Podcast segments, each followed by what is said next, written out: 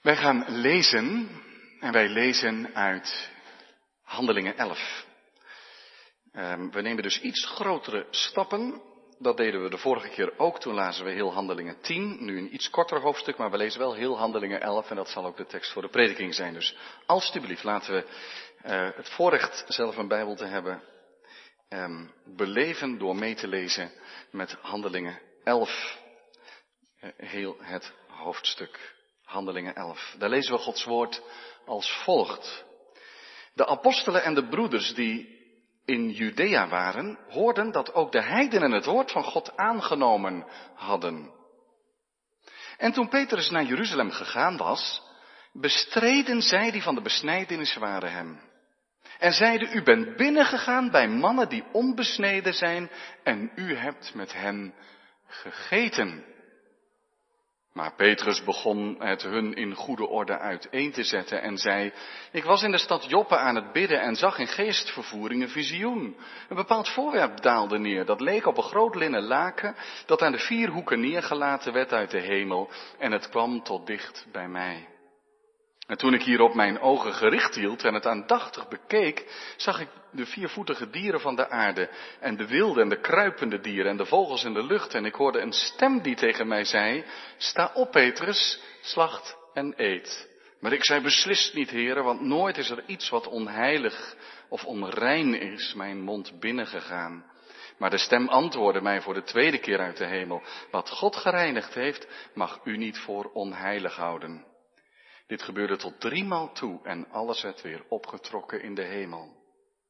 En zie, ogenblikkelijk, ogenblikkelijk daarna stonden er drie mannen, die vanuit Caesarea naar mij toe gestuurd waren, voor het huis waarin ik was. En de geest zei tegen mij dat ik met hen mee moest gaan en niet moest twijfelen. En met mij gingen ook deze zes broeders mee en wij zijn het huis van deze man binnengegaan. En hij berichtte ons hoe hij een engel gezien had die in zijn huis stond en tegen hem zei, stuur mannen naar Joppe en ontbied Simon, die ook Petrus genoemd wordt. Die zal woorden tot u spreken, waardoor u zalig zult worden en uw huis, heel uw huis. En toen begon ik te spreken. Toen ik begon te spreken, viel de Heilige Geest op hen, evenals op ons in het begin. En ik herinnerde mij het woord van de Heer, hoe hij zei, Johannes doopte wel met water, maar u zult met de Heilige Geest gedoopt worden. Als God dan aan hen dezelfde gave gegeven heeft als aan ons, die in de Heer Jezus geloven, wie was ik dan dat ik bij machten zou zijn God tegen te houden? En toen zij dit hoorden, waren zij gerustgesteld. En zij verheerlijkten God en zeiden, zo heeft God dus ook aan de heidenen de bekering gegeven die tot het leven leidt. Zij nu die door de verdrukking die in verband met Stefanus plaatsgevonden had overal verspreid waren, gingen het land door tot Fenicië, Cyprus en Antiochië toe, terwijl zij tot niemand het woord spraken dan alleen tot de Joden. Er waren onder hen echter enkele mannen van Cyprus en uit Cyrene die, toen ze in Antiochië gekomen waren, het woord richtten tot de Grieks sprekenden en de Heere Jezus verkondigden. En de hand van de Heere was met hen en een groot aantal geloofde en bekeerde zich tot de Heere. En het gerucht over hen kwam de gemeente die in Jeruzalem was ter oren. En zij zonden Barnabas uit om het land door te gaan tot Antiochië toe. En toen hij daar gekomen was en de genade van God zag, werd hij verblijd. En spoorde hij hen aan om met een hartelijk voornemen bij de Here te blijven. Want hij was een goed man en vol van de Heilige Geest en van geloof. En er werd een grote menigte aan de Here toegevoegd. En Barnabas vertrok naar Tarsus om Saulus te zoeken. En toen hij hem gevonden had, bracht hij hem naar Antiochië. En het gebeurde dat zij een heel jaar met de gemeente samenkwamen en een grote gemeente onderwezen. En dat de discipelen voor het eerst in Antiochië christenen genoemd werden. En in die dagen kwamen enkele profeten vanuit Jeruzalem naar Antiochië. En een van hen, van wie de naam Agabus was, stond op en gaf door de geest te kennen dat er een grote hongersnood zou zijn over heel de wereld, die ook gekomen is onder keizer Claudius. En de discipelen besloten ieder naar vermogen iets te sturen ten dienste van de broeders die in Judea woonden. En dat deden zij ook. En zij stuurden het naar de ouderlingen door de hand van Barnabas en Saulus. Tot zover lezen we Gods woord voor deze dienst. Zalig zijn zij die het woord van de Heere, onze God, horen en geloven en daaruit leven. Amen. De tekst voor de prediking is dus dit gedeelte, Handelingen 11. Gemeente van onze Heer Jezus Christus. Jongeren, jongens en meisjes hier in de kerk en ook thuis. Soms is er reden, ik zeg niet dat dat nu zo is, als dat wel zo zou zijn, dan zou ik het waarschijnlijk niet aan de orde stellen op deze manier. Maar goed, soms is er reden om je heel veel zorgen te maken over een koers die een gemeente vaart. Om zorgen over ontwikkelingen in de kerk. Dat kan op het niveau van een gemeente. Als er bijvoorbeeld bepaalde veranderingen of ontwikkelingen in een kerkelijke gemeente er zijn, dan kan het wel eens zo zijn dat je daar zorgen over maakt. Die zorg kan heel diep zitten. Je hebt echt het idee dat het niet goed gaat in je gemeente. Dat er iets helemaal verkeerd zit. En je denkt, dit moet echt stoppen. Niet omdat het om je eigen voorkeuren gaat, maar omdat je echt denkt, het woord van de Heer is hier in het geding. En de eer van God staat op het spel. Het kan in een gemeente plaats hebben. Het kan zich rondom een voorganger uh, bezighouden. Of op een andere manier in een, in een kerk. Maar het kan ook bovenplaatselijk zijn. Ik mag wel zeggen, en ik ga daar niet al te veel over zeggen, maar dat speelt momenteel in de christelijk gereformeerde kerken waar wij toe behoren. De ene groep maakt zich zeer veel zorgen over de andere. Het komt misschien wel van twee kanten. Het gaat om ethische onderwerpen, zoals huwelijk, samenwonen, seksualiteit, homoseksuele relaties enzovoort. Het gaat ook over kerkordelijke kwesties. Mogen zusters van de gemeente ook dienen in de ambten? Nou, nu gaat het daar nu niet over, dus ik ga er ook niet zoveel over zeggen. Maar er zijn wel grote zorgen. En sommigen zeggen dan, ja, maar dat is niet zo belangrijk. En anderen zeggen, ja, het is wel belangrijk, want het woord van God en hoe je dat uitlegt staat op het spel. Nou, dat bedoel ik nou. Over grote zorgen. Waar gaat het, waar gaat het naartoe? Moet je dan wel met elkaar bemoeien? Moet je niet zeggen, nou, we laten elkaar vrij en we laten elkaar los. Even los van de vraag hoe we dat samen als kerken geregeld hebben. Wil ik maar zeggen, nee, onverschilligheid is niet goed. Er zal een bepaalde diversiteit mogen zijn mag verschil zijn in Gods koninkrijk. En toch zijn we aan elkaar gegeven. En mag je elkaar bovenplaatselijk ook bevragen. Je leest toch dezelfde Bijbel en je beleidt dezelfde naam. Je mag elkaar bevragen. Maar wees voorzichtig met oordelen. Oordeel zeker niet te snel. Waarom zeg ik deze dingen? Omdat het eigenlijk in Handelingen 11 ook gebeurt. Er zijn grote zorgen in Jeruzalem over wat daar allemaal zich heeft plaatsgevonden in Caesarea. Petrus, notabene toch wel een, uh, een topapostel zou je kunnen zeggen. Die is binnengegaan bij een heidense man. En die, die, die heidenen daar, die daar bij elkaar waren, die zijn tot geloof gekomen. Dat is allemaal wel mooi natuurlijk, dat ze tot geloof komen. Wie kan daarop tegen zijn? In de kern zijn we het dan wel eens, maar hier staat toch wel veel op het spel. Wat heeft Petrus allemaal gedaan? Kan dat maar zo? En wat doe je dan als je daar kritiek op hebt? En je, je staat strak van de spanningen en de zorgen. En een voorganger, zelfs een apostel in dit geval, is naar jouw gevoel een grens overgegaan die die helemaal niet over mag gaan. En, en weet je wat Handelingen 11 dan zegt? Wat je dan moet doen is dit. Eén, stop je zorgen niet weg. Maar maak het bespreekbaar. Dat is het eerste wat we tegenkomen. En twee, dan moet Petrus niet zeggen, ik ben apostel, waar bemoei je je mee? Ik maak dat zelf wel uit. Nee, hij gaat verantwoording afleggen en is daar bereid toe. Drie, ze vallen hem niet in de reden, maar ze laten hem uitspreken. Hun zorgen is niet zo van, ik, ik heb toch gelijk, ik wil niet luisteren. Nee, ze gaan daarnaar luisteren. Ze merken op wat hier gebeurt. Er is openheid om samen te zoeken naar het plan van onze Heer. Nou ja, dan weet u ook precies waar die veel te lange thema omschrijving vandaan komt dat, dat is wat, niet te snel oordelen. Wel bespreken. Luisteren, samen zoeken. Opmerken naar wat de Heere zegt en doet. Handelingen 11 vers 1 is een kerntekst. De apostelen en de broeders die in Judea waren, hoorden dat ook de heidenen het woord van God, namelijk over Jezus Christus, aangenomen hebben. Dat geeft grote moeite in Jeruzalem. Misschien niet bij heel de gemeente, maar de gemeente in Jeruzalem bestaat uit christenen. Die worden daar nog niet zo genoemd, want dat zijn Joodse mensen. Die de Messias van Israël, Jezus Christus, in geloof hebben aangenomen. En zij hebben grote kritiek op wat hier is gebeurd. En dat zit zo diep, we zagen vorige keer al dat er bij Petrus diep zat en dat hij niet zomaar overstag ging, maar dat zit zo diep dat ook als straks de zorgen weggenomen zijn, let maar op, dat gaat straks in vers 18 gebeuren, dat het keer op keer in handelingen weer de kop opsteekt. In handelingen 15 bij het apostelconvent en in handelingen 21 als, als Paulus van zijn zendingsreis terugkomt en uit de heidenen bij zich heeft,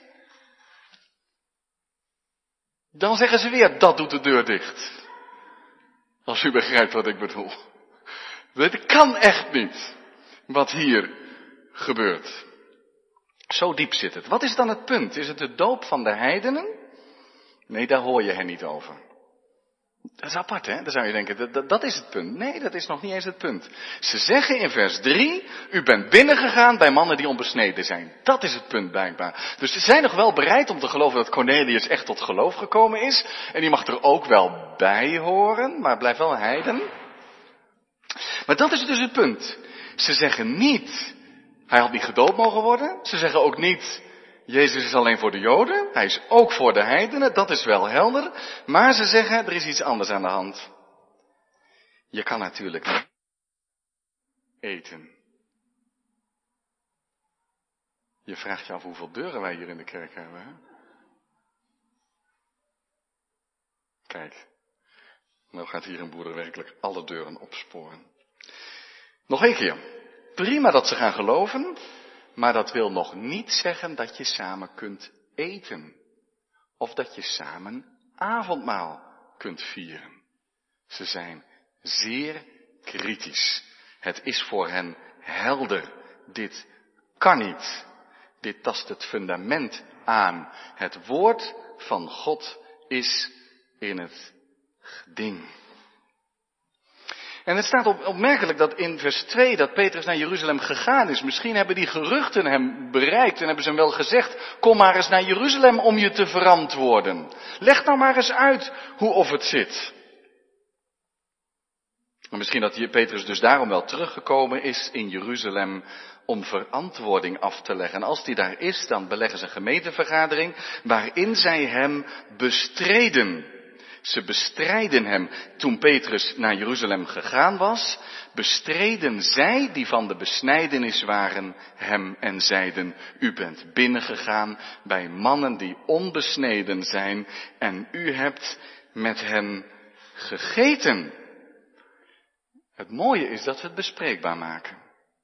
Ze schuiven het niet onder het tapijt. Maar het gaat er wel stevig aan toe. Ze bestreden hem. Er klinken beschuldigingen. Ze zeggen, eh, je kunt nog zo'n belangrijke apostel zijn, maar hoe heeft dit kunnen gebeuren? Je hebt het verkeerde voorbeeld gegeven. Dat is een te snel oordeel. Maar het is misschien wel begrijpelijk vanuit hun perspectief. En goed dat ze het niet laten zitten, want dat is gevaarlijk, dat je elkaar eigenlijk veroordeelt, maar je maakt het niet bespreekbaar, dus je geeft de ander ook niet de gelegenheid zichzelf te verdedigen. En het uit te leggen. En het is prachtig wat er gebeurt. In vers 4 staat, Petrus begon het hun in goede orde uiteen te zetten. Dat is ook mooi en belangrijk. Er staat geen ruzie. Petrus zegt niet, wie, wie ben je wel niet dat je dat soort dingen durft te zeggen? Hij wordt niet boos en zegt, het is wel een apostel hè, tegen wie je praat. En je moet me vertrouwen. En al die vragen, wat, daar, daar blijkt geen vertrouwen uit. Dat had hij allemaal wel kunnen zeggen, maar dat doet hij niet. Hij begrijpt hem misschien wel. Hij zegt een paar weken geleden dacht ik er ook zo over. En hij beroept zich ook niet op zijn functie. Ik ben apostel, dus. En dan vertelt hij het hele verhaal. Ik ga dat niet allemaal langs. We hebben daar vorige week bij stilgestaan hoe al die dingen gebeurden. Dat visioen wat Petrus kreeg, maar ook die engel die bij Cornelius was. En dat de geest tot Petrus zei, ga mee en twijfel niet. En dat hij toen binnengegaan is bij Cornelius, omdat hij zeker wist dat de geest dat wilde. Hij vertelt het hele verhaal en voegt er in vers 16 nog aan toe dat het hem deed denken aan een woord van de Heer Jezus, die namelijk over Johannes de Doper had gezegd, hij doopte wel met water, maar u zult met de Heilige Geest gedoopt worden. De Geest daalde op hen neer. Wie was ik dan, zegt hij aan het einde van zijn rustige uiteenzetting. Wie was ik dan? Dat ik eh, tegen God kon ingaan. Ik heb dit zelf niet verzonnen. Maar de Heere heeft dit gewild. En dan gebeurt er weer iets prachtigs. En ook dat is van de Heilige Geest. Daar zitten mannen met boze, bezorgde, afkeurende blikken. En die hebben al die tijd naar Petrus geluisterd. Ze hebben hem niet in de reden gevallen. Ze hebben geluisterd. En je ziet ze ontdooien. En ze zeggen aan het eind, we hebben ons vergist. Ook dat is, dat is, waar hoor je dat nog tegenwoordig? Waar hoor je dat nog? Ook dat is van de Heilige Geest. Dat is koninklijk, passend bij het koninkrijk van God. Dat is heel nederig. Dat is van de Heilige Geest. Hoe vaak houden mensen niet hun standpunt vast omdat ze nou eenmaal dat hebben gezegd en geen gezichtsverlies willen lijden? Ze willen niet toegeven, vasthouden aan het eigen eindje en er is al zoveel kapot gegaan in de kerk daardoor. Wil dus niet zeggen dat je altijd maar overtuigd wordt en dat je zorgen weggenomen worden. Misschien heb je wat terechte zorgen en is het woord van God in het geding. Maar belangrijk is dat je met grote openheid luistert. Heeft de Heilige Geest mij iets te leren door wat een ander zegt? Ze luisteren hem helemaal uit en komen dan tot de conclusie dat hun zorgen misschien nog steeds wel begrijpelijk waren. Maar dat ze tot een andere conclusie moeten leiden. En daarom klinkt er ook zo mooi in vers 18, toen zij dit hoorden, waren zij gerustgesteld. Dat mag ook nog wel eens gebeuren. Dat iemand gerustgesteld wordt na zorgen. En zij verheerlijkten God. Dat is nog mooier. Dan begint het een zeer kritische gemeentevergadering met allerlei kritiek en vragen en zorgen. En diezelfde gemeentevergadering, om het op te lossen, die leidt tot een dankdienst. Ze verheerlijkten samen God. Ze gaan samen God prijzen. Ik weet niet of het lied samen in de naam van Jezus toen al bestond. Dat zal wel niet. Dat weet ik ook wel. Maar het was wel een toepasselijk lied. Samen de Heere prijzen. En ze zeggen, God heeft dus ook aan de heidenen de bekering gegeven die tot het leven leidt. Ja, dat is een mooie conclusie. Er is nogal meer te concluderen, namelijk dat die heidenen ook niet besneden hoeven worden en dat ze zich ook niet aan de spijswetten moeten houden. En dat blijkt later wel weer de kop op te steken, maar voor nu is het genoeg.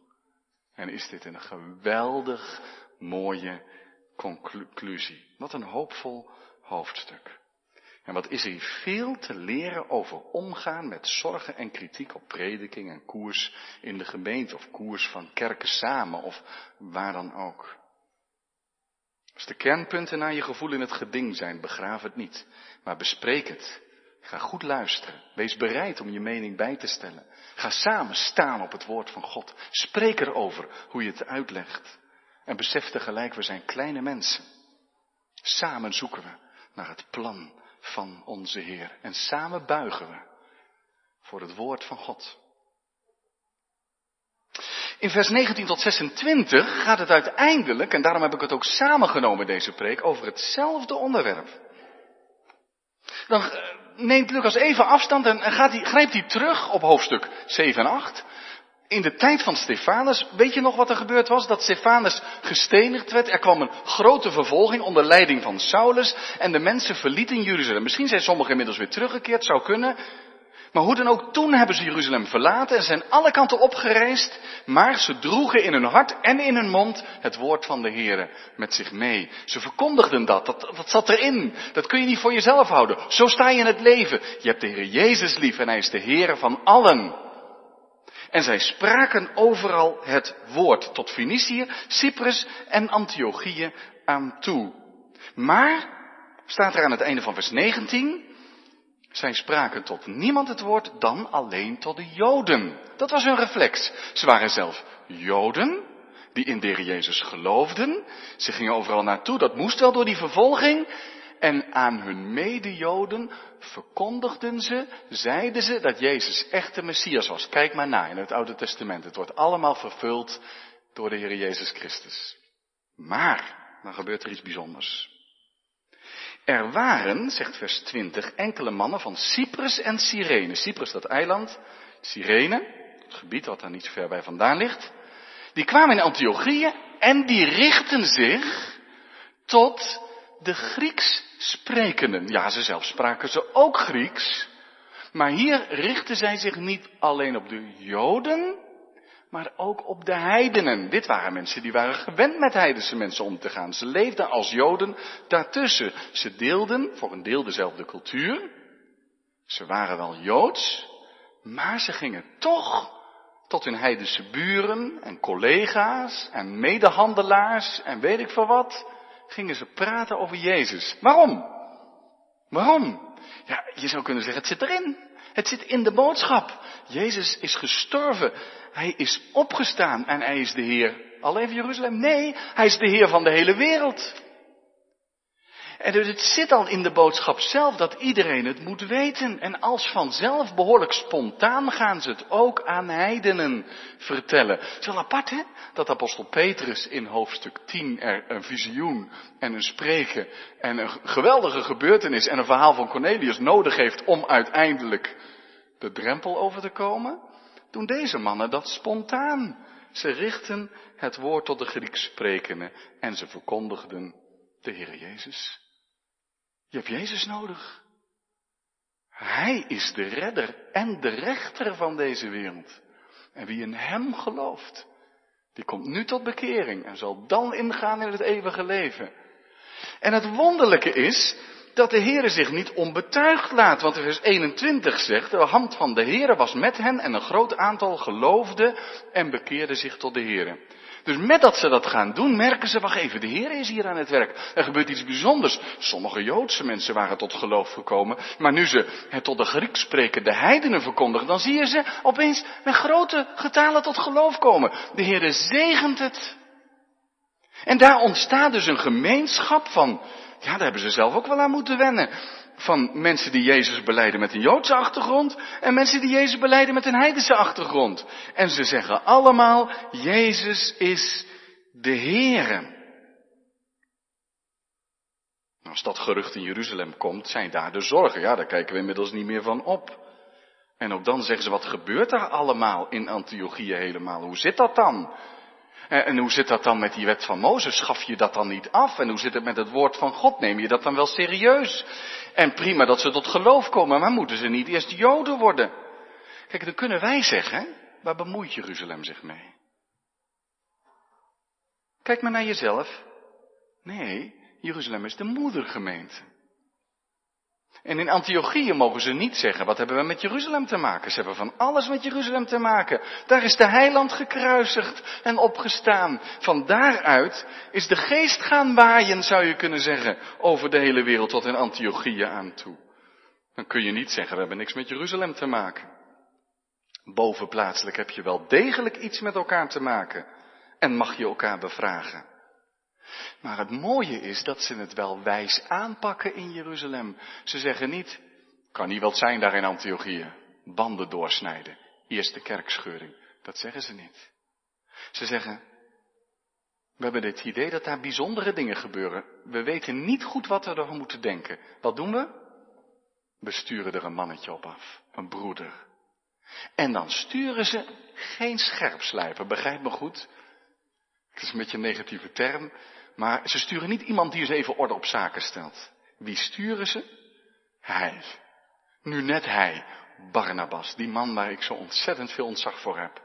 En u waarschijnlijk ook. Zijn naam is zoon van vertroosting. Hij heeft een bijzondere antenne voor het werk van de Heilige Geest. Voor de liefde van de Heer Jezus. Hij merkt dat op in mensen. Zoals hij dat opmerkte in Saulus toen de tijd. Toen niemand geloofde dat hij echt tot bekering was gekomen, had Barnabas gezegd, laat ik eens met hem gaan praten. Een man met een open hart. En met grote gevoeligheid voor het woord en de leiding van de Heilige Geest. Het is niet voor niets dat ze hem sturen. Dat is een man die kan je op een boodschap, om een boodschap sturen. Ze zeggen daarmee eigenlijk, nou Barnabas, als jij daar nou eens gaat kijken daar in Antiochieën en jij zegt, nee, dit is echt van de Heer, dan zullen we echt gerustgesteld zijn. Maar als Barnabas terugkomt en zegt dat gaat niet goed daar, ja dan moeten we wat. Oh, dat is toch heerlijk als je veel Barnabas in je gemeente hebt. Mensen met wijsheid, inzicht. Geweldig geschenk deze man. En als die dan gaat, vers 23, dan moet, moet je dat eens lezen. Dat is toch ongelooflijk mooi. En toen hij daar gekomen was, dan zie je Barnabas komt aan en zegt, jongens, ik kom, ik kom vanuit uh, Jeruzalem, broeders en zusters, we moeten eens praten. Neem eens mee naar al die huisgemeentes, naar de gezamenlijke bijeenkomsten, neem eens mee. Laten we eens even meekijken in de gemeente. We komen uh, polshoogte naar polshoogte, uh, we komen meeleven vanuit Jeruzalem. En dan nemen ze Barnabas op sleeptouw en dan ziet hij daar van alles. En dan staat er toen hij daar gekomen was en de genade van God zag. Had u nooit gedacht dat je genade zien kan? Ja, dat kan dus. Hij zag de genade van God. Dat kan je zien. Hoe? Nou ja, hij ziet daar mensen echt tot geloof gekomen. En hij spreekt ze. Zeg, vertel eens wat. Ja, ik, heb toch, ik, denk toch niet dat ik om Jezus zat uh, te wachten, maar hij kwam mijn leven binnen. Ik hoorde dat en er is iets in mijn hart gebeurd. En nu heb ik hem lief gekregen. Het gebeurt vandaag ook. En het is fantastisch om te horen. En je zag hoe deze mensen honger hadden naar het woord van God. Dat ze de Heer Jezus volgden. Niet voor niets werden ze daar voor het eerst christenen genoemd. U heeft daar een tijdje geleden van dominee van der Weg een preek over gehoord. Ik laat, laat die tekst daarom nu zitten natuurlijk. Maar het is wel belangrijk, dat waren echt, je, je, zag het aan deze mensen. Ze kwamen samen, ze dienden elkaar in liefde. Ze beleiden de naam van de Heer Jezus Christus. Hij ziet dat. Hij ontmoet nieuwe gelovigen. Dus de geest geeft bewijs. Bij Petrus, die bij Cornelius kwam, was het bewijs dat de geest merkbaar op hen neerdaalde.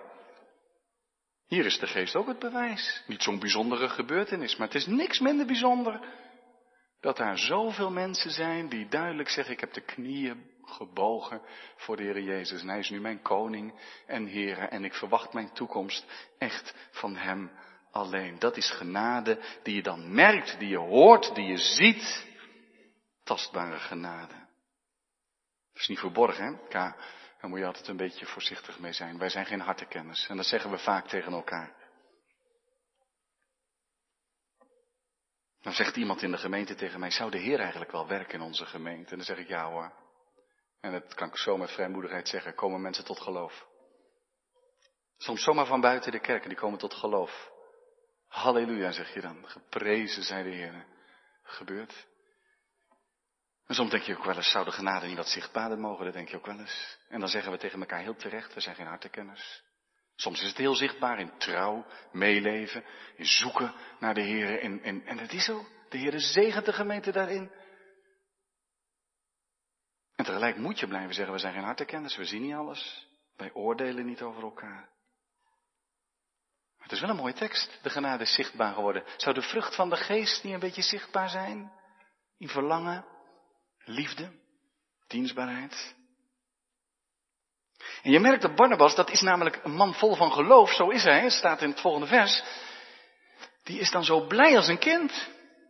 En dat is niet raar, want er is in de hemel blijdschap bij de engelen van God als één zondaar zich bekeert.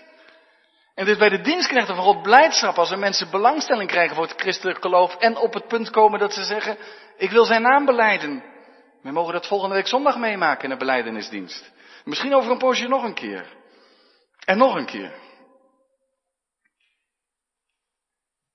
Hij werd verblijd. Ja, dan moet je je afvragen, wat moet hij dan doen? Moet hij terug naar Jeruzalem? Ja, dat doet hij niet. Misschien hebben ze wel een mannetje gestuurd of iemand die toch die kant op moest. Zeg, vertel maar even, maar ik wil graag hier blijven, zegt Barnabas. Ik wil hier graag blijven. Want deze gemeente heeft onderwijs nodig en misschien kan ik hier wat dienen.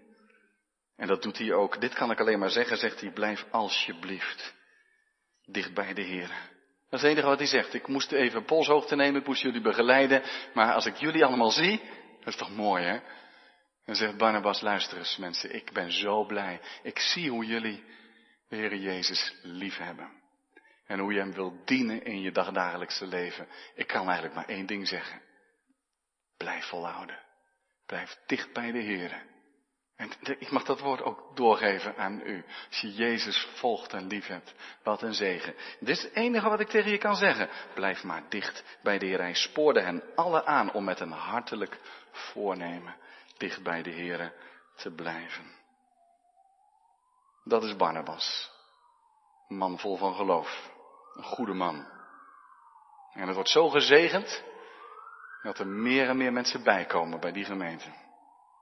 En dan kennen we Barnabas ook weer zo. Dan gaat er bij Barnabas ook weer een lampje branden. Dat vind ik nou zo mooi. Hij was het die Saulus bij de apostel had gebracht toen niemand hem pruimde. Toen niemand van hem wilde weten, had hij gezegd, kom nou jongens, luister nou eens iets langer. Het is echt van de Heilige Geest. En toen hebben ze hem toch maar naar huis gestuurd, want de tijd was niet rijp. Nou, daar zat hij thuis in Tarsus. Wat moet je met je roeping? En nu zijn we behoorlijk wat jaren verder. Mensen berekenen het op 13 jaar verder. Dat is niet een korte tijd. En nu zegt Barnabas, nu die in Antiochië is, wacht eventjes. Saulus. Volgens mij is die hier nodig. En die gaat naar Tarsus, dat is om de hoek, maar een eindje rijden hoor, een eindje reizen. Die gaat naar Tarsus en zegt, waar is, waar is Saulus? Ik moet Saulus vinden. En die vindt Saulus en zegt, Saulus broeder, zit je hier nog? En Saulus al die tijd maar gebeden en gewacht en misschien wel het evangelie verkondigd, wie zal het zeggen, ik weet het niet. Maar Barnabas zegt, Saulus, ik heb werk voor je. Na dertien jaar. Kom mee naar uh, Antiochieën. Daar hebben ze je nodig. Er is iemand nodig die je hart heeft voor de heidenen en die thuis is in de schriften van Israël. En zo gaat Saulus mee en mag daar dienen in Antiochieën. Nou, is het een hoopvol hoofdstuk of niet? Er zijn prachtige dingen die hier gebeuren, terwijl het allemaal begint met kritiek en strubbelingen. En het slot van het hoofdstuk, ik heb dat er ook maar bij gelezen, heeft er ook nog mee te maken, vers 27 tot en met 30. Want daar zie je iets van wederkerige verbondenheid aan elkaar. De gemeente van Jeruzalem weet, we zijn de moedergemeente. We gaan echt polshoogte nemen in Antiochieën. Het geloof is van hier en vanuit Judea uitgegaan. En daarom zijn we betrokken op alle plaatsen. Ik moest even denken aan die franchise-ondernemingen, zoals de McDonald's. Dat is misschien niet helemaal het goede voorbeeld, maar die zijn allemaal zelfstandig. Maar je moet wel hetzelfde dak hebben, dezelfde kleurtjes en de hamburgers moeten ook overal hetzelfde smaken. Nu, ik zeg niet dat in elke christelijke kerk de hamburgers hetzelfde moeten smaken. En dat er geen verschil mag zijn. Ook in accenten die gelegd worden. Maar je kan nooit voor jezelf beginnen met een eigen boodschap. Je hebt wel datzelfde geloof wat toen vanuit Jeruzalem is uitgegaan. Nou, u begrijpt toch wat ik bedoel. En dan zeggen ze in Antiochieën niet, wat hebben we met Jeruzalem te maken?